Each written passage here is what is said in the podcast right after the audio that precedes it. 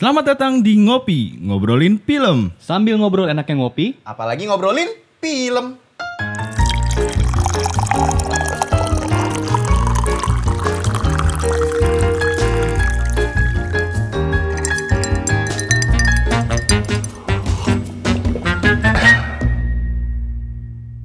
Oke, selamat datang di Ngopi, ngobrolin film. Dengan gua Aldi di sini.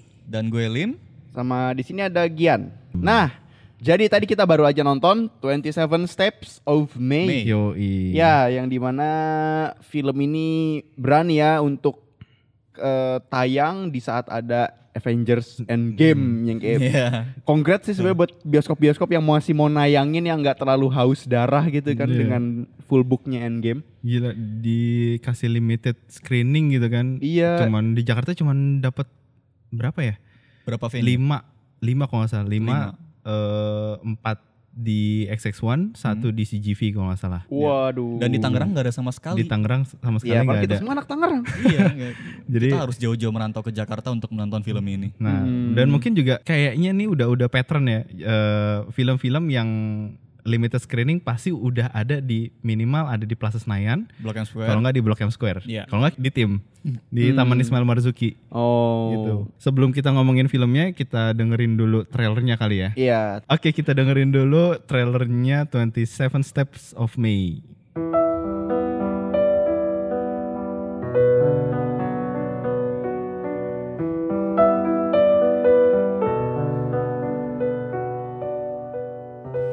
Keadaannya? Gua tahu 8 tahun lalu ha, Lu selalu bilang ke gua Tapi itu basi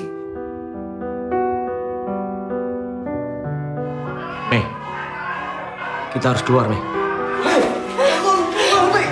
Ikut coba Meh Meh Buka pintunya Meh Begini masa lalu nih.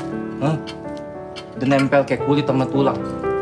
8 tahun udah kejadiannya. Ada yang baru. Itu namanya kemajuan. Progres istilah katanya. Lu sendiri kapan lu mau progres?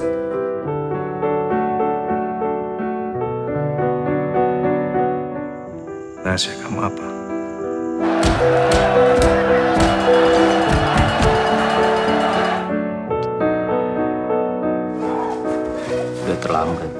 Udah terlanjur rusak.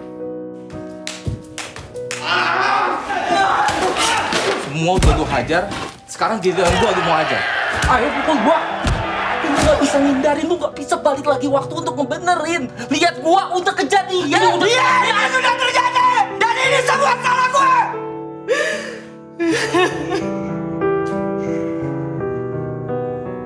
Tugas gue ngelindungin dia.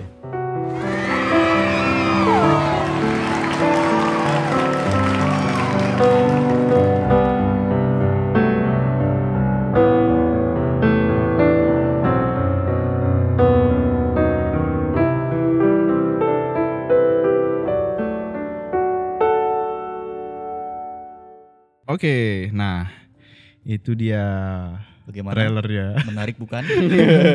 Oke, eh ini gua bacain dulu Sinopsis. sinopsis kali ya. Hmm. Film 27 Steps of May bercerita tentang seorang remaja perempuan bernama May yang diperankan oleh Rai Hanun yang menjalani masa-masa traumanya akibat kekera- kekerasan seksual. Keadaan May turut berpengaruh pada diri sang ayah yang diperankan oleh Lukman Sardi hingga muncul seorang tetangga yang diperankan oleh Aryo Bayu yang mencoba memahami keadaan May dengan trik-trik sulapnya.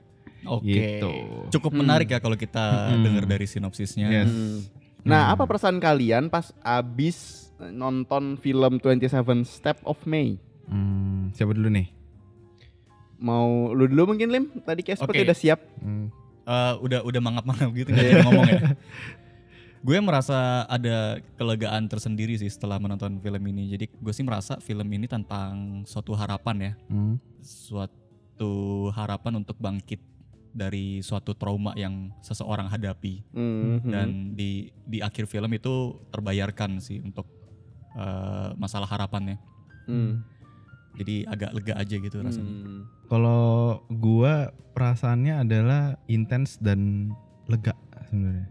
Hmm. eh, intens ketika melihat orang yang segitu begitu traumatiknya gitu digambarkan di film itu eh, sampai ya beneran gila itu mental gitu Eh, Iya. bermain dengan mental dan diperankan oleh si Rehanun itu bener-bener sangat-sangat Bagus ya. bagus banget gitu dan juga di- dari sisi dari sisi keluarga dilihat si bapaknya itu yang Sangat diperankan struggle. iya sangat struggling gimana struggling keluarga yang sangat sangat eh, dari seorang ayah sorry dari seorang ayah itu yang sangat sangat, sangat berhati-hati karena anaknya itu fragile banget gitu Iya.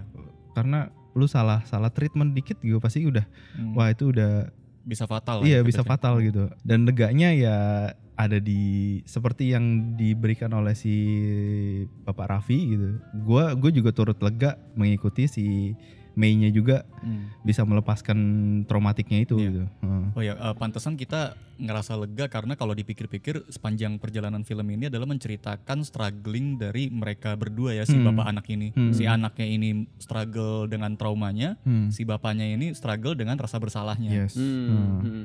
Gue jadi bapak nggak bisa melindungi anaknya gitu. Dia merasa gagal Hmm. jadi bapak Iya. dan eh, kayak andaikan waktu itu nggak terjadi gitu Hmm. kan. Hmm. Dan ini juga kuat karena anak perempuan itu kan sesuatu yang lebih dekat sama iya, bapak, ya. ah, lebih dekat sama bapak dan per- anak eh, perempuan itu kan sangat fragile gitu Iya kan. betul. Hmm. Ah. Sama kalau gua boleh nambahin eh, sepanjang nonton film ini tuh rasanya kayak ada roller coaster emosional tersendiri Hmm, gitu. hmm. Karena lu bisa merasakan banyak perasaan kayak lu ikut merasa suasana yang mencekam, Hmm. terus tiba-tiba ada tegangnya, ada sweet-sweetnya, Hmm. ada romance-nya juga dan, ada- di ujungnya jadinya lega gitu. Hmm.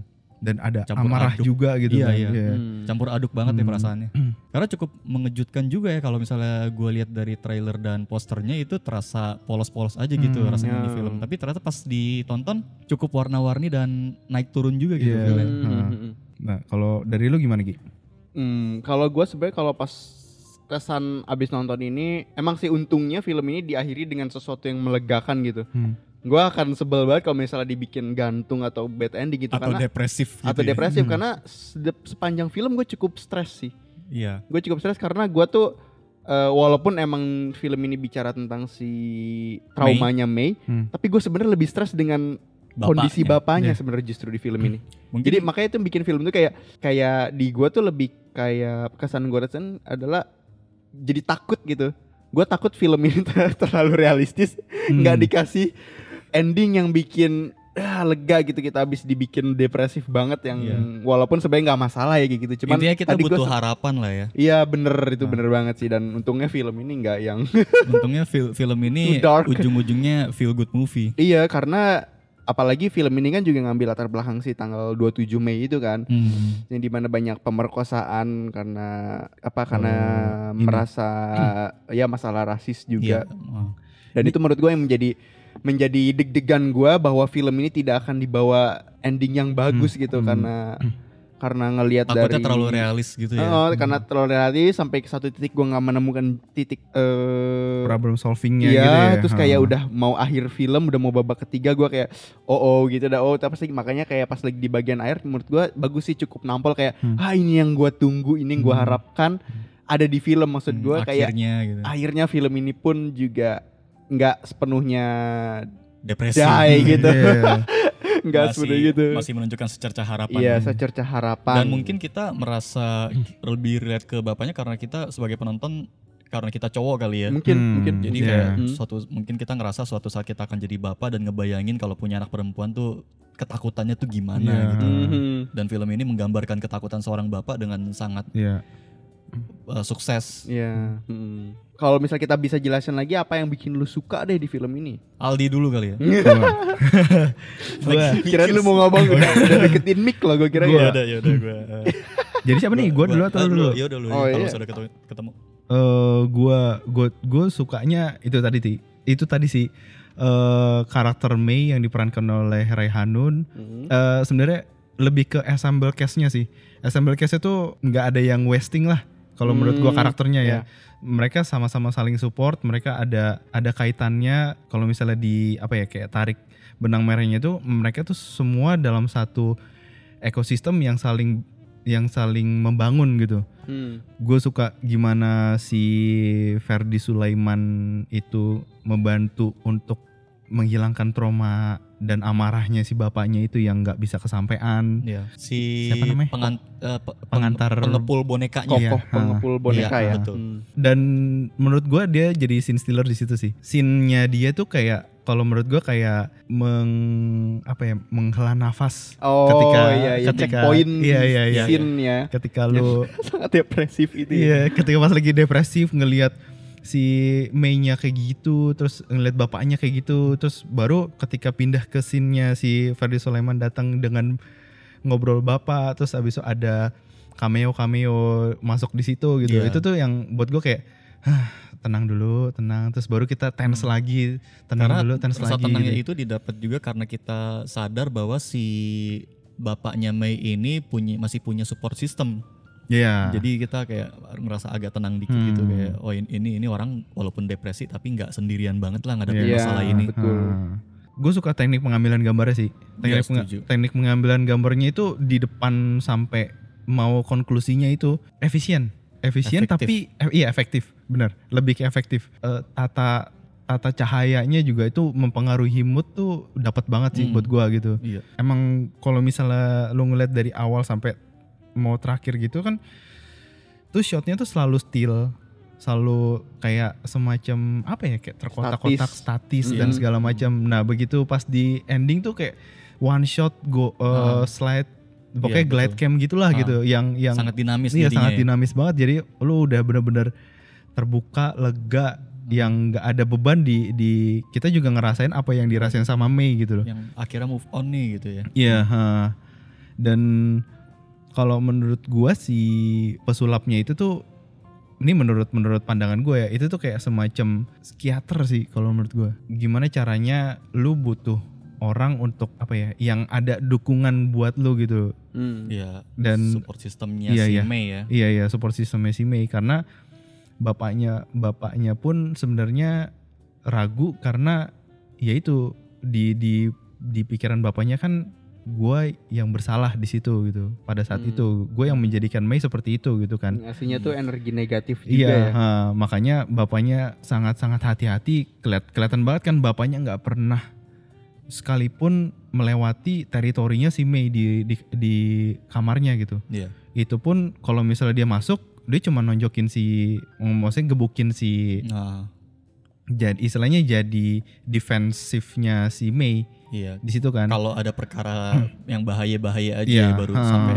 mel- iya, melang- ha. melanggar batas itu. Hmm. Karena eh, ini gue tambahin aja si Hmm. Mei-nya sendiri pun pertama kali keluar dari kamarnya itu karena dia melihat si pesulapnya itu hampir mati kan. Iya. ha. Hmm. Akhirnya dia selamatin karena ada perkara hidup Udah. dan mati. Hmm, Iya.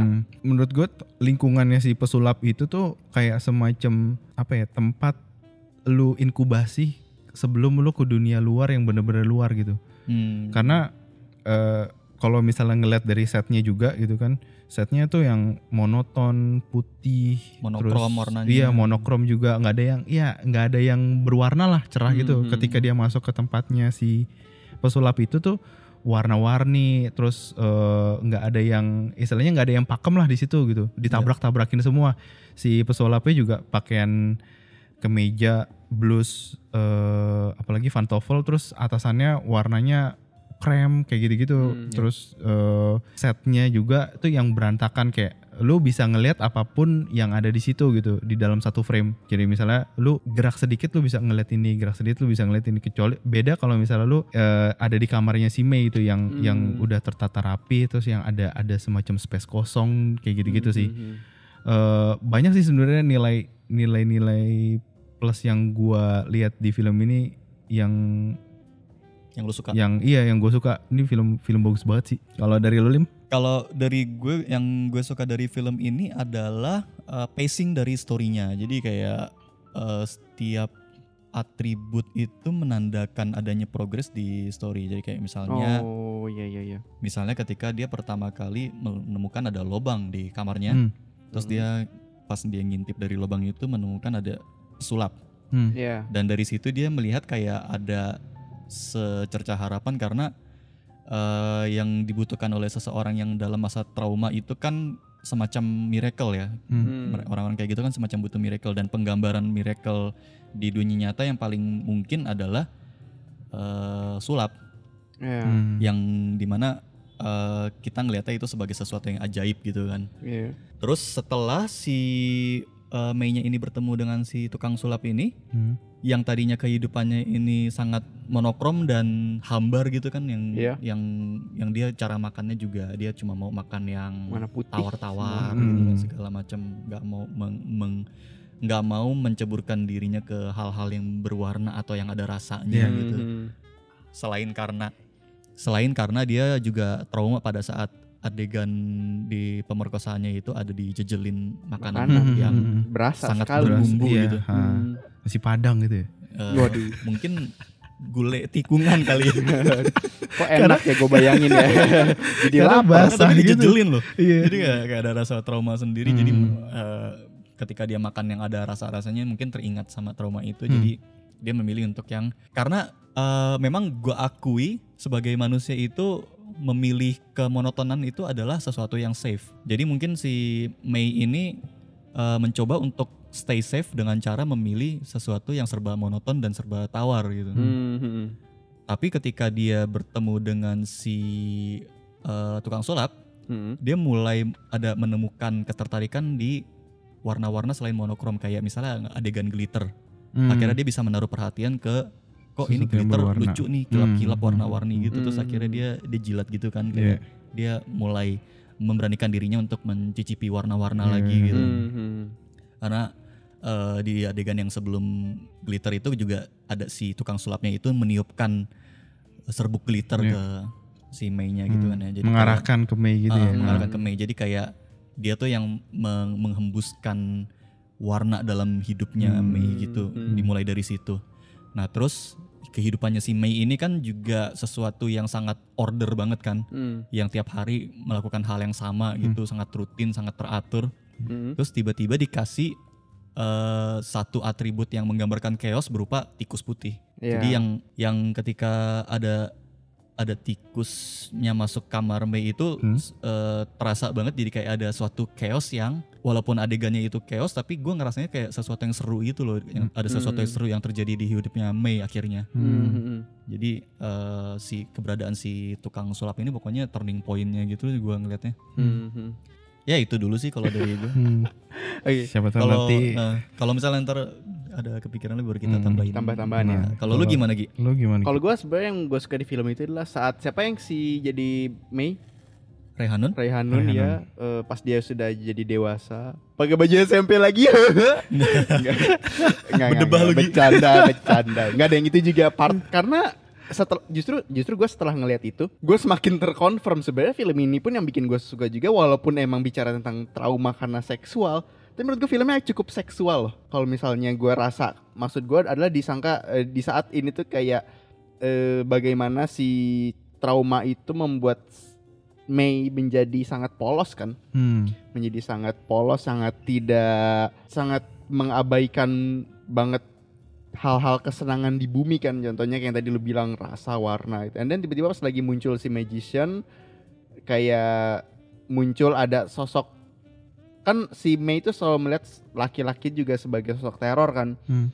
Tiba-tiba muncul first impression pertama laki-laki yang mengeluarkan sesuatu yang cukup eh dia belum bisa bilang menarik tapi cukup bikin penasaran dan penjelasan bagaimana dia mengembrace-nya adalah dengan dijilat dan itu muncul dari sebuah lubang kecil yang ada di tembok yang gue langsung konotasinya kok kok gue mau menghindari mau menghindari sampai adegan si tongkat sulapnya dikeluarin dan bagaimana cara si Mei memegang tongkatnya juga menurut gue cukup seksual Sugestif ya. Hmm. sugestif sekali dan pas lagi adegan yang dia pakai kayak apa meledak-ledak yang dia pakai baju SMP dan minta di Oh, Ikat. iya. diikat maksudnya Hmm. eh, walaupun itu mungkin penggambaran trauma tapi entah kenapa mungkin ini kayak dia tuh nggak bisa ngontrol hasrat seksualnya dia karena dia pengen banget maksudnya dia takut sama masalah dia tuh dilema gitu dia Hmm. takut sama pemorkasan dan gitu tapi dia tuh pengen di pengen merasakan itu sama si si magician itu dan Hmm. itu yang kayak sangat terlihat yang malah jadi as- assault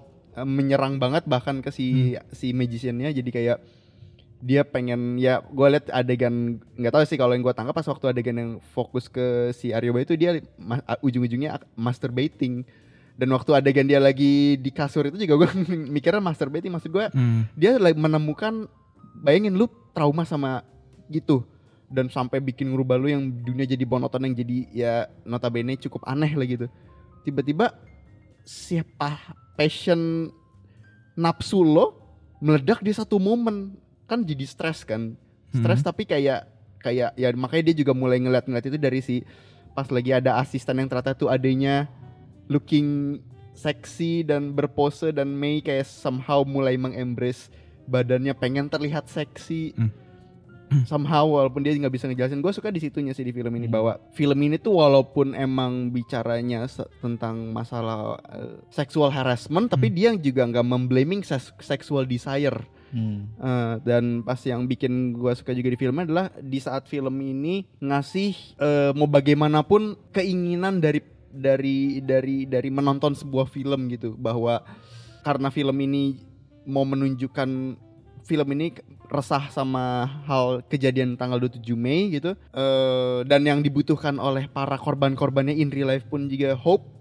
Gue pikir hope akan menjadi jargon penting juga di film ini karena apalagi ditujukan ke para si korban-korban kan. Jadi gue sebenarnya cukup puas saat endingnya film ini dikasih rasa relief gitu. Rasa relief tuh gue ngeliatnya walaupun itu entah mungkin ada yang bilang ah klise atau gimana happy ending bla bla bla. Tapi gue ngeliat ini sebagai kayak doa sih. Iya, iya. doa si filmmaker kayak ayo dong gitu. Ayo dong kayak Mei ketemulah kesenangan di hidup lo di si Mei bertemu dengan si magician bertemu on dengan lah gitu. move on lah Hmm, gitu. Hmm, hmm.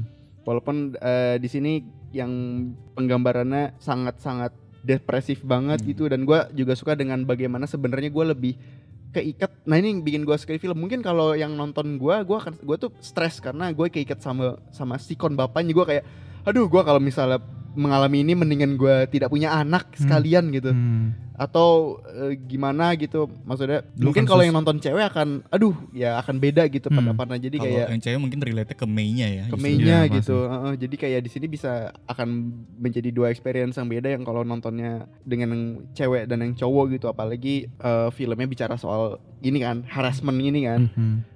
Dan yang bikin gue suka juga itu yang tadi gue bilang bahwa gue mengabaikan tentang sexual desire di filmnya tapi lama-lama kok gue mulai merasa-rasa eh kayaknya iya deh ada deh kayaknya si Mei itu kalau yang gue rasa kayak Mei itu sebenarnya ya baik ya saat ketemu Magician juga ada ada ada emosi baru yang dia kaget gitu hal-hal yang berbau seksual yang tadinya menjadi teror ke dia tiba-tiba kok jadi agak desire ya Kok gue butuh. kok gue Gitu. butuh ya kok gue malah jealous gue malah jadi pas dia apalagi pas ngeliat si si Aryo Bayunya di tanteng pas buntu dia langsung kayak emosi banget kan Hmm, main, jealous gitu main ya. itu yang tiba-tiba main skipping. Jadi Pelampiasannya kayak- tuh main skipping doang iya ya. dia Hmm. dan men- melukai diri jadi Hmm. itu sih yang gue suka di film ini bahwa Hmm.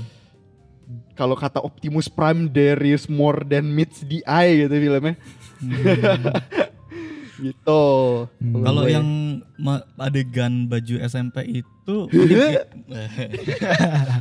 coba gue mohon maaf ya gue ngeliatnya kayak kok kok kok Sebenarnya- kok arouse ya bukan arouse dalam arti gimana maksudnya kayak kok kok lucu, lucu, gitu. ya kok lucu Kok jadi gitu, kayak gitu lagi genre kostum Iya. nih. kok kok kok jadi kayak hmm gitu Jadi ada kayak ada tab kategori Iya. kostum gitu kan. Tapi ini ini cukup menarik sih karena ternyata setiap penonton itu gue dan Gian tuh ternyata berbeda Hmm. me- ya menginterpretasikan Tasi kan filmnya. eh, adegan. eh, adegan yang baju SMP. Hmm. Mm-mm. Kalau gue melihatnya itu kayak si Mei-nya itu pengen cerita tentang dark secretnya dia ke si tukang sulap itu, tapi dia Hmm. nggak bisa mengutarakannya dengan eh, baik gitu karena Hmm. masih ada rasa trauma itu. Akhirnya dia kayak cari cara gimana ya udah cara paling ekstrim yang bisa dia lakukan adalah mereka ulang mereka ulang dengan reka ulang itu. Hmm. Setelah Makanya itu cukup baru shock kan Ah. sih jadi kayak makanya si Aryo Bayonya ketika di- ter- terkapar di bawah itu Hmm. dia ngelihatnya tuh kayak shock gitu oh ternyata kehidupan lu tuh mengalami ini ya gitu hmm, kalau gue sih mikirnya gitu Hmm. bukan karena dia ada seksual desire-nya desire itu. yang Hmm. tertahankan tapi cukup menarik ya Iya ada sih, sudut pandang Eh, seperti sudut pandangnya menarik banget. Nah kalau gue malah adegannya itu eh, back to back sama bapaknya kan, bapaknya lagi pukul-pukulan dan segala macam eh bapaknya lagi dipukul Iya. nah itu tuh kayak semacam lu kalau misalnya punya traumatik jangan dilawan Hmm. tapi di di apa ya di kayak diiklasin aja gitu Iya, iya, karena iya. ini udah udah terjadi udah juga, terjadi dan lu harus move on gitu Hmm. makanya si si Mei itu akhirnya berani untuk ngungkapin juga dan berani untuk um, melakukan reka ulang itu karena Iya. ya udahlah terus sampai karena kan sebelumnya itu dia kayak gemeteran banget terus kayak dia wah Nyentuh- gue gimana nyentuh tangan si pesulapnya aja kayaknya udah iya traumatik banget dan gitu. Dipotong kan itunya Hmm. eh, istilahnya nah itu juga tuh kaitan Konektornya. kon- iya itu kayak kayak simbolisasi kayak pertama kali kabelnya itu dicolok tuh kayak oke gua nerima lu deh di, Hmm. di gue terus akhirnya ada ada adegan lagi akhirnya kabelnya dipotong kan iya kayak oke kita putus Iya. tanda hubungan putus pokoknya gitu. kita putus Nggak bisa. Iya itu sih dan dan si bapaknya juga yang awalnya kan dia fight banget untuk Iya. meluapkan amarah gitu Ah, kan. ah. Nah kalau di sini bapaknya ya udah lu mau pukul pukul aja. Gua Hmm. gua nggak akan ngelawan balik lu. Gua terima segala macem eh, pukulan lu. Hmm. Defense gua tuh karena udah dia lepas merasa gitu. dia pantas dihukum Iya si gitu. ha. itu, iya, Jadi gitu kayak ya udah lepas aja gitu. Sampai akhirnya bener-bener knock out. Bapaknya juga si Ryan Hanun juga knock out. Dan scene selanjutnya adalah si Re- eh, si Mei tidur bareng kan. Oh, yang- Maksudnya dalam yang di artian kasur ya. iya di kasur karena yang dia udah capek gitu. menerima sentuhan cowok lagi Iya menerima Iya. sentuhan cowok lagi karena ya udah dia dilepasin semuanya gitu. Akhirnya menerima kan istilahnya itu kan dalam satu tempat. Rehanun kan nggak pernah tidur bersama manusia lain gitu eh, istilahnya semenjak atau- kejadian itu semenjak kejadian itu kan. Iya. Ya akhirnya dia berani untuk Hmm. ya udah jadi gue terbuka karena kalau menurut gue ya si eh, Mei itu tuh punya ba- barrier gede banget gitu loh yang Iya. lu ini teritori gua, lu jangan lewat sini. Ketika lu lewat dan melampaui teritori gua, gua akan ngamuk sengamuk-ngamuknya gitu. Yang Ya. Hmm. ketika dia karena dicium, merasa terancam iya karena merasa terancam.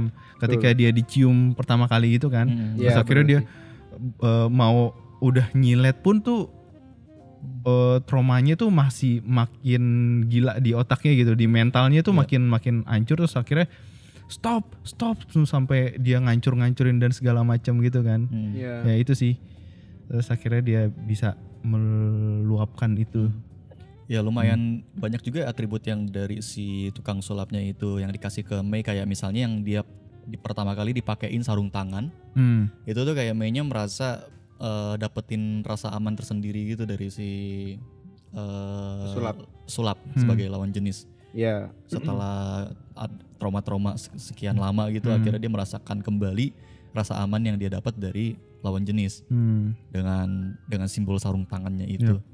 Dan juga untuk yang silet-silet itu kayaknya eh, film ini kayak pengen ngasih tahu kalau misalnya si Mei-nya itu dengan traumanya segala macam itu terus dia mengurung diri terus meng- menghindari diri dari segala hal-hal yang menyenangkan di dunia ini, lu tuh sama aja kayak menyakiti diri lu sendiri loh. Hmm. Jadi kayak mungkin ada ada satu satu arahan ke sana kali satu ya. pesan yang mau Satu disampaikan gitu ya gitu, iya. Hmm, kalau misalnya juga juga tambahan eh, yang bikin gue juga suka sebenarnya di film ini adalah eh, gimana si film itu ngegiring eh, si magician presence si magician ini yang eh, di awal yang dibikin sangat-sangat imajinatif, sangat weird di dalam satu titik kebakaran, breaking pointnya si May, Hmm. terus plot magician masuk sampai gua masuk ke satu titik juga sampai mikir dengan penggambaran masuk entrance magician yang sangat absurd gitu di bagian ada kebakaran di bagian belakang rumah tiba-tiba di tembok jadi ada bolong yang gua kira itu impact dari karena kebakaran terus ada dunia magician itu yang sampai gue pikir apa janjian ini sebuah eh, gara-gara kena ketemu breaking point agak gila atau gimana Hmm. jadi cukup imajinatif sampai ternyata pas gua itu dipecahin sampai pas adegan bapaknya ternyata bisa physical contact yang gua langsung oh ini ternyata real karena dari awal dibawainnya sangat-sangat eh, weird gitu yang kayak sangat dreamy. masa bapaknya nggak kaget tiba-tiba listriknya mahal banget gitu kan iya iya Berapa kali gue udah susah ini jadi petinju ini. Kok listrik gaji petinju nggak cukup nih. siapa yang pakai listrik? Persen gue Mei juga wah Mei ngapain? Udah gitu ya? listriknya dipakai buat buat nge ngegerakin mesin Houdini. Ellen mesin Houdini itu berapa watt woi? Iya maksud gue dan itu kan banyak lampu juga lampu-lampu lampu orka ya anjir lampu Iya. lampu boros ada lampu biru lah kayak dicolokin main colok aja bangke ini Oh, ya. mungkin mungkin itu sebabnya bapaknya akhirnya ngeberantakin lagi lampu tamannya gitu kayak "Ah, gara-gara Iya, ini iya, jadi mahal listrik Gue gue. gara-gara gue udah ikhlas kira lampu gue yang mahal ternyata lampunya dia. nah akhirnya gue gua tapi tapi akhirnya ternyata gue pikir film ini juga don't give a shit about itu. Hmm. Karena lu bayangin di kamarnya Ya lu tahu kan seberapa protektifnya bapaknya kita bisa lihat itu dijaga banget sama filmnya.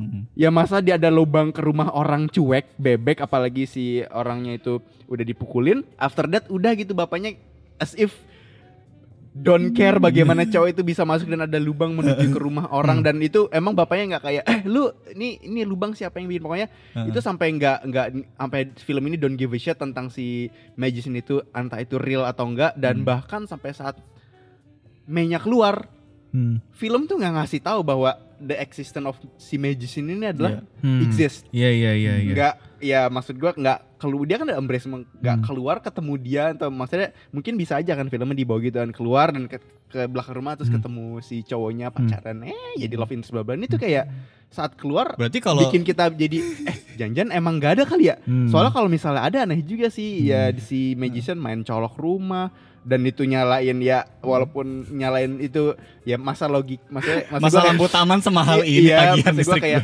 eh, maksud gue itu Iya, itu iya, yang iya. membuat gue cukup terganggu awalnya yang Ya bahwa- tapi tapi bener gue Hmm. juga merasakan kayak eh, agak-agak suatu kecurigaan apakah ini si magiciannya ini beneran atau imajinasinya doang gitu. yes Karena kalau misalnya kita pikir dari itu lubangnya gara-gara kebakaran, berarti kan harusnya yang kebakaran adalah rumah si magiciannya kan. iya Tapi kenapa ter- tidak terjadi apa-apa di rumah magician itu? Hmm, ya bener-bener dan kayak mungkin hantu atau nggak ngerti juga tapi maksudnya kayak Dan kalaupun itu ternyata cuma hayalan pun sebenarnya nggak nggak masalah gitu. iya kalau misalnya nah ya kalau misalnya gue ujung-ujungnya si bokapnya datang terus mukulin gitu kayak itu juga tetap bisa jadi itu tetap imajinasi. iya iya ya bener kan? mungkin bokapnya Dan- cuma masuk doang Hmm. terus an- si Heeh. pas masuk si Mei-nya kayak stress art jadi Oh, bapaknya kayak, makanya kayak, kayak skakmat ngebayangnya gitu. tuh bapaknya yang mukulin si sosok imajinasinya dia. iya gitu. betul dengan Tapi- di mm, dengan masuk itu kan Betul. Tapi justru dengan dengan cara kayak gitu, gua ngerasa kayak film ini nunjukin apa pun caranya bebas pokoknya asalkan lu bisa move on Minum dari trauma tuh. Oh, iya. Hmm, iya. ha. Eh, ini juga sangat bikin menurut gua cukup statement ged- kuat di filmnya yang bahwa filmnya saking mau ngasih eh, journey cinema experience ke penontonnya tuh bahkan yang mau ngira si Aryo Bayu adalah love interest nggak dirusak Hmm. karena kalau misalnya kita ngelihat gitu mau mau misalnya mau bicara misalnya film ini emang mau bi- bener banget bikin si Aryo Bayu Magician ini adalah real gitu Hmm. how come si bapaknya don't Give a shit. care atau don't don't don't ap- atau lu tau kan Gak freak boka- out gitu, bokapnya gak freak out. bagaimana eh, outsider ditreat sama itu kan bahkan si dukun-dukunnya kayak nggak boleh masuk, Iya, iya, semua iya, diancam iya. yang untuk Bahkan masuk si, teritori. si, si pengepulnya, yang udah Pengepulnya. langganan aja nggak boleh masuk. Iya yang sudah jadi support system aja. Hmm. Apalagi udah ini tiba-tiba muncul terus masuknya tiba-tiba di kamar Iya, lagi. Nggak lihat pintu depan. Iya terus Bokap mana yang tidak freak out gitu. Iya dan si Mary-nya yang sampai kayak gitu. Terus pas gue pikir iya sih aneh dan eh, oke kalau misalnya si Aryo Bayu real bokapnya akan marah dengan banyak hal bukan cuman masalah Mary masuk tapi bikin lubang di kamar Mei. Mm-mm. bikin listrik jadi mahal. Mm-mm. Maksudnya nggak ada konfrontasi scene gitu. Hmm. Nah itu yang bikin gue kayak wait wait wait wait wait wait. What if ini kayak ada sesuatu yang emang dibiarkan ngalir Iya. dan film ini nggak mau ngerusak Mm-mm. buat yang udah kesemsem semsem ngelihat relationshipnya si Mei dan si Magician Iya, itu. Iya, ha. Tapi Itu ada ada untungnya juga sih Gi, eh, si Mei ini tidak akhirnya tidak pacaran sama magiciannya di akhir film. Hmm, eh Karena kalau- juga bagus. Ya, Justru Kalau kalau misalnya mereka ternyata pacaran, nanti soundtrack endingnya bakal pacarku memang dekat. Aduh. Lima langkah dari dan, dan justru sebenarnya kalau misalnya adegannya si Mei itu ketemu si Aero Bayu itu malah ngerusak eh, journey gua Hmm. sebetulnya. merusak bayangan lu Iya. tentang mereka berdua. Eh, karena Oh, oke. karena di di bayangan gue adalah itu gue tuh udah senang dengan film itu actually give multiple choice ending gitu Iya, sebenarnya ha. Iya, bukan iya. tentang filmnya tapi tentang magician ini tuh Hmm. apa sih entitas tafsiran mereka dia ini tafsiran Iya. tentang magician Iya, ini gitu bagaim- ya. iya, iya. gue nangkapnya jadi eh, ja- wa- jadi tuh gue juga nggak nggak nggak nggak certain ya tapi gue kayak mungkin magician ini adalah self healingnya Betul, si, si ini, Mei. Hmm. Hmm. Karena seperti pada kehidupan nyata kayak kejadian-kejadian yang traumatik gitu kan sangat random gitu dan gak Hmm. ketebak kan. Mm-mm. Dan si fenomena magiciannya itu juga sebagai mekanisme penyembuhan, dia juga terjadinya tuh tidak diduga dan sangat aneh gitu. iya, abis Dan abis cara dengan cara seaneh apa pun tetap bisa terjadi sesuatu yang bikin kita akhirnya jadi move on lagi. Iya, Sama jadi tetap seperti- kasih sama hope anehnya. filmnya. Mm. Hmm. Sama randomnya dengan kejadian yang bikin kita trauma. Pokoknya itu kayak Hmm. sesuatu yang ad- eh, ada dua sisi koin gitu. Iya. Oke, gimana Hmm. kalau yang menurut tuh kurang oke di film ini? Ini film Nah. bagus gitu ya sampai susah ya. Kalau Iya. nah ini pertanyaan yang susah. Kalau film jelek itu gampang pas pertanyaan ini. Eh, kalau film bagus dikasih pertanyaan ini kayak Hmm. apa ya? Tapi gue juga nggak bisa bias-bias amat ya. Pasti ada kok. Mungkin dari tadi kan gua sama Aldi mungkin dari lu dulu kali Gi. oke, yang bikin Yang lu bikin kurang serak. Jadi sebenarnya yang bikin gua kurang di, kurang ngena di film eh bukan kurang ngena sih. Yang bikin gua agak Ganjel. ganjil di filmnya adalah pas filmnya giving too much desperate dan too much painnya itu di porsi terlalu lama di plot gitu. Hmm. Eh, maksudnya setengah lebih gitu. Hmm. Bahkan masuk entrance si magician itu juga terlalu lama sehingga eh, apa ya fantasy fantasy weirdo weirdo tentang dua orang yang eh tentang si Mei yang terisolasi itu jadi kurang bisa diekspo explore gitu gue lihat kayak di kayak cuman mini mini sulap mini mini sulap gitu padahal gue tadi sempat ada momen eh, di saat di saat kekontrasan yang lagi dibikin film itu mungkin ada satu yang aneh banget saking anehnya kayak bikin lu mempertanyakan lagi tentang si magician ini karena kan experience gua nonton kan gitu kan tadi. Hmm. Cuman eh, ada bagian-bagian yang sampai gua mohon maaf nih, sampai banyak fade out fade out yang gua berharap langsung credit title gitu kayak. Hmm. Iya, gua juga tuh. iya, kayak aduh aduh filmnya ini banget ya. Aduh filmnya Iya, sama tuh, dark, gua aduh eh, sorrow banget ya. Sorrow banget maksud gua aduh ini ini ini sih gua bukan jadi feel gitu, gua jadi malah bikin kayak bikin kayak aduh ini malah tambah stres sih gitu. Ibaratnya kayak dibikin sudah jatuh tertimpa tangga. Iya, eh, eh, dari kayak aduh, wah, karena udah udah mau hampir tengah film gua ngeliat kayak aduh ini no solution kayak dark banget kayak Hmm. aduh ini gimana ya nyelesainnya Depresif. jangan awas aja nih kalau filmnya die maksudnya kayak filmnya terpuruk terus langsung ada fakta Hmm. ada fakta-fakta menye- bikin kita jadi sedih atau dikasih lagu G- Ebit GAD gitu kan tapi ternyata untungnya di film ini dikasih jernih-jernih yang menurut gua menjadi saat lu duduk di bioskop adalah gua masih nonton film. Hmm. tuh. Walaupun eh, itu jadi kurangnya cuma di situ doang sih cuman eh, si porsi untuk menunjukkan the pain atau the desperate itu tuh too much dan too long. Karena kenapa menurut gue ini kurang bagus? Karena gua takut ini impactnya juga ke Society. society penontonnya Hmm. karena mau bagaimanapun gue tipe orang walaupun mau filmnya berat atau filmnya gimana ya film supposed to be exciting karena dia adalah Oh. sebuah pertunjukan gitu. Hmm. Kalau misalnya emang mau dibikin dark ada porsinya gitu, ada porsinya dark dan makanya gue suka dengan porsinya si bapak si eh si yang or, yang yang si pakai jaket jeans itu sebagai pause Ferdi moment dan komedi masuk di situ kan. Hmm. Iya. Jadi di situ kayak momen itu. Cuman ada momen yang gue sampai kayak saking desperate gitu gue sampai kayak nggak enak sendiri gitu ya. Aduh, om, gue sampai kayak udahlah mending gue nggak ngerti sekalian gitu. Hmm. Kayak pas lagi fade out lama banget. Oh ini mau credit title nih. Ah enggak lagi. oh lanjut ding. gitu. Tapi filmnya di im- di, di, ahi- untungnya diakhiri dengan indah gitu. Jadi gue kayak Gak protes. sebenarnya nggak protes sih. Jadi ini cuman gue metik aja gitu Hmm. eh, apa yang mungkin bisa dikulik di film ini dan kayaknya akan seru juga ya kalau kayak gini gitu. Bukan berarti lebih bagus ya. Kalau lu gimana? Hmm. Kalau saya Hmm. Oh sama gue sedih sih adegannya pas lagi si siapa namanya si Mei pakai kemeja Biru. eh pakai Mei pakai baju SMP gitu kan pas Hmm. dia lagi dandan lah dandan lagi Hmm. kurang lama Anjir. kampret.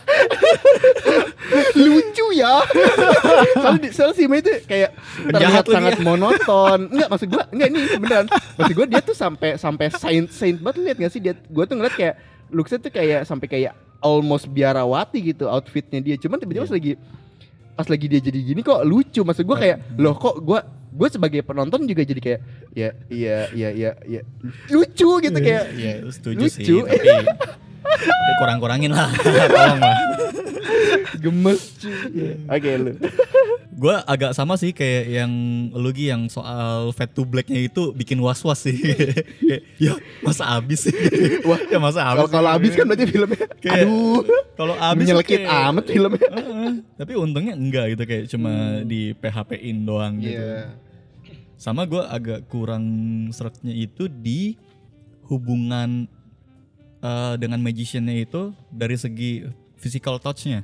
Hmm. Jadi kayak terlalu cepat untuk seterbuka itu membiarkan dirinya disentuh oleh lawan jenis seintim itu. Hmm. Ya. Kayak misalnya yang adegan dansa sama Pas di kasur. adegan yang enggak ya kalau yang di kasur malah udah udah udah bisa Ya udah di, ya. dimaklumi gitu. Hmm. Kayak akhirnya dia membiarkan dirinya bahkan sampai bekas lukanya pun dibiarkan untuk disentuh kan. Hmm. Tapi untuk yang di tengah-tengah itu loh yang ketika dia mulai deket mulai bisa di Peluk. dipeluk gitu Hmm. pinggangnya pas yang dansa Hmm. gitu segala macam terus yang yang sebelum adegan dicium pipi juga kan kayak erat banget gitu genggamannya segala macam itu kayak terlalu cepat untuk membiarkan dirinya seintimate itu sama lawan jenis eh, mengingat trauma yang dia punya Ya. harusnya dengan sentuhan yang minimal itu tetap bisa memberikan rasa baper yang sama sih kalau menurut gue Hmm. Hmm. itu akan lebih gua akan lebih suka kalau kayak gitu jangan yang terlalu vulgar nyentuh banget gitu loh Hmm. tapi kan mengingat dirinya adalah keadaan yang spesial gitu kan Hmm. karena traumanya segala macem Hmm. harusnya sentuhannya tuh nggak kayak pasangan pada umumnya gitu Hmm. tapi ada ada sesuatu yang Weirdnya. beda gitulah Hmm. Ta- beda tapi bisa memberikan efek romantis yang sama Hmm. sama di adegan klimaks yang endingnya itu eh menurut gue porsi bokapnya itu kayak nggak terlalu dikasih gitu loh karena kan akhirnya si Mei ini mendapatkan apa yang dia inginkan yaitu move on kan Ya. yang dia akhirnya bisa eh, memaafkan bokapnya itu Hmm. Hmm. tapi justru di situ nggak nggak digambarin resolusi dari bokapnya itu jadi kayak di adegan klimaksnya itu kayak bokapnya jadi tiba-tiba jadi kayak figuran aja gitu Hmm. nggak dikasih padahal sepanjang film tuh porsi stresnya mereka berdua tuh se- sebanding gitu seimbang sama tapi di adegan terakhir di finalnya itu justru malah lebih berat ke Mei gitu nggak nggak nggak berasa resolusi untuk bokapnya Hmm. Iya. walaupun sebenarnya bisa kita bayangin ya asalkan Mei-nya bahagia bokapnya juga bahagia gitu Iya. kan Hmm. tapi harusnya sih gue sih pengen ngelihat gimana bokapnya mer- eh, ma- punya resolusi dengan dirinya sendiri gitu sih Hmm. punya resolusi sendiri seperti yang dialami oleh Mei Ya. gitu Hmm. kalau lu gimana di Kalau menurut gua alangkah baiknya kayaknya lebih menarik kalau misalnya si sulap ini itu tidak ada ngomong juga. Kalau menurut gua. Oh, biar Jadi jadi aneh ya emang emang gestur aja dia Hmm. memainkan gestur. Jadi kayak orang pantomim. Hmm. Jadi nggak ada nggak ada interaksi dialog di situ gitu. Hmm. ya Gue gue kayaknya lebih lebih sepertinya akan lebih menarik ketika si magician ini diulik di bagian gestur di gestur terus eh, dia mem- memainkan gestur tangannya pada saat keluar dari eh, apa namanya lobang kayak gitu-gitu sih Hmm. itu itu yang buat gue kayaknya lebih asik deh dibanding kalau misalnya dia ngomong dia apa karena di awal gue udah be- di di di kepala gue nih di imajinasi gue tuh kayak si wah kayaknya pesulap ini hanyalah imajinasinya dari si Mei. Dan dia tuh ya udah dia nggak dia nggak akan ngomong. Dia akan dia cuma berpantomim aja gitu. Hmm. eh ternyata oh ternyata dia bisa ngomong ya. Oh ternyata dia orang punya deng. iya.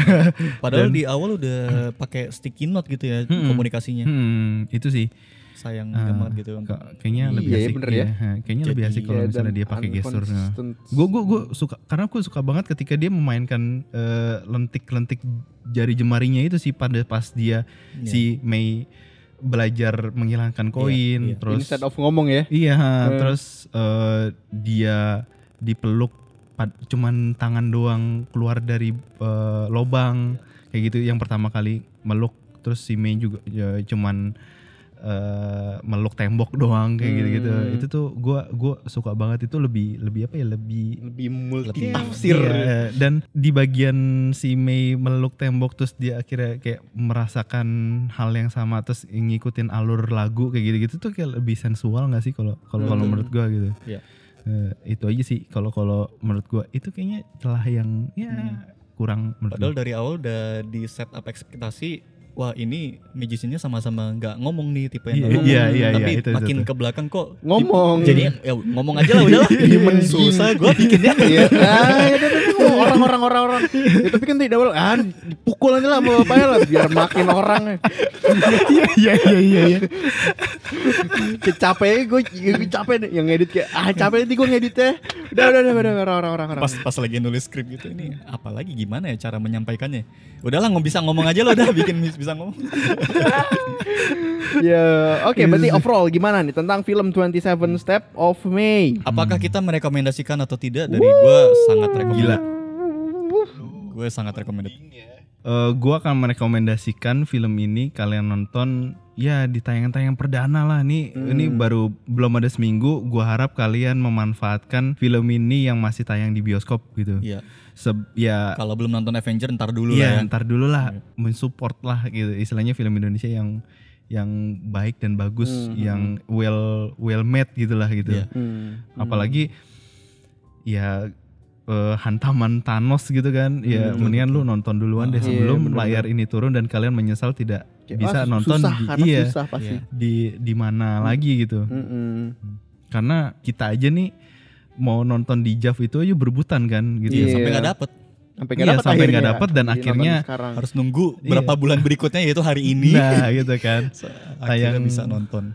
dan hari ini tayang di bioskop dan itu juga limited screening gitu kan. Iya. Iya bener Nah, bener. tayang terbatas.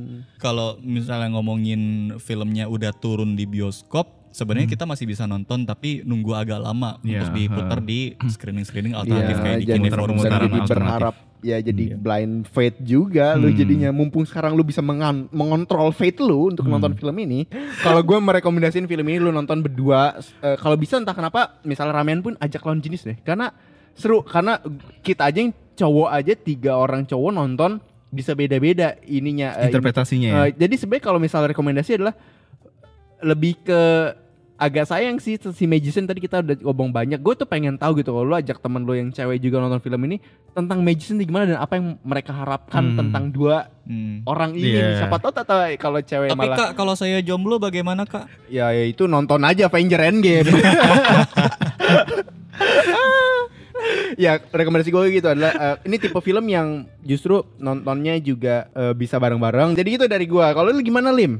Kalau gue sih tentu saja recommended ya, karena eh ini adalah suatu film yang punya voice yang unik gitu di di di antara film-film lokal lainnya gitu. Jadi wajib untuk ditonton. Hmm. Perlu tahu, Anda sangat perlu tahu ada film bagus kayak gini. Iya. Karena menurut gue film Ave Mariam, Kucumbu Tubuh Indaku dan 27 Steps of May adalah tritunggal film bagus di bulan April ini. Iya. Dan itu sat- satu paket enak ya kalau satu kayak kalau ada bundle-nya gitu, bundle versionnya. Iya, box set gitu ya. Box set itu satu eh, tiga film Iya ini sih, iya. punya punya punya Bener, banyak bener, bener. eh, keresahan yang kuat gitu sama Tolong Pak Roni P. Chandra kalau misalnya denger mungkin bisa Iya, mention lah. Bikin lagi Hmm. DVD-nya. Iya. Sip. Itu ada lagi? Itu dulu kali ya eh, obrolan kita tentang film 27 Steps of May. Ya. Kalau misalnya kalian udah nonton nih, eh, bolehlah di-share ke kita di sosial media lah gitu. Ma, bang, menurut gua tuh film ini bagus. Kenapa gini gini gini, bang? Menurut gua film ini tuh pusing, Iya, aneh, ngantuk. gini, Atau ngantuk. cuma sekedar sotoy banget lu bang gitu. Iya, Boleh ya? iya, nggak boleh, apa-apa. boleh, Ada gitu. bilang, Hardik "Aduh, aja ber- kita sebelah- hardik Sebelah gitu." gua berisik banget. Iya. gitu juga boleh. Sebelah gua bacot banget di spoilerin semuanya gitu. Iya. Itu juga bisa aja share pengalaman Sebelah lu. gua tiba-tiba ngejelasin ceritanya ke gua ya. Jahat banget sih yang film begini di spoilerin gitu kayak sisa apa kita ya. Iya pokoknya lu ya share aja lah pengalaman kalian menonton film ini tuh gimana gitu. Kalau misalnya emang kalian eh, nggak mau mengasih eh, interpretasi kalian tuh gimana tentang film ini gitu. Kita ada di Twitter at roadkillpic atau di Instagram at roadkillpictures gitu. Nah kalau misalnya kalian malu gitu ke mention ke Roadkill ya, ya pribadi aja lah. Nih, Ada di Gian ada di mana Gi? Ya, gua dulu gua di Giandra underscore Raka di Instagram. Kalau Lim Lim? ada di mana Lim? Gue kalau di Instagram bisa ke @trimusaurus. Kalau gua ada di Instagram juga eh, at Rinaldi pakai Y underscore Alexander. Hmm. Jadi R Y N A L D I. DY. Bukan di situ nya Bingung nih RY denger. dong. Pokoknya lihat di mutual friend kita ada semua saling follow lah. Kalau enggak ya di deskripsi udah gue kasih itu Ya, kalian bisa tinggal kalian lihat aja gitu. ya, di Spotify juga ada gitu. Hmm. Jangan lupa di follow lah eh, Ngopi. ngopi. Ngopi podcastnya. Hmm, Kalau misal biar kalian oh udah update nih, udah update aja nih episode baru nih. Lagi Iya. ngobrolin apa ya? Lagi ngobrolin. Nah itu bisa kalian akan terupdate kalau misalnya kalian follow di Spotify. Iya. Gitu. Oke. Oke, segitu dulu eh, obrolan dan diskusi kita. Sampai jumpa di episode selanjutnya. Dadah. Dadah. Makan dulu ah. Hoka Hoka Bento always listening, always understanding. Beda dong.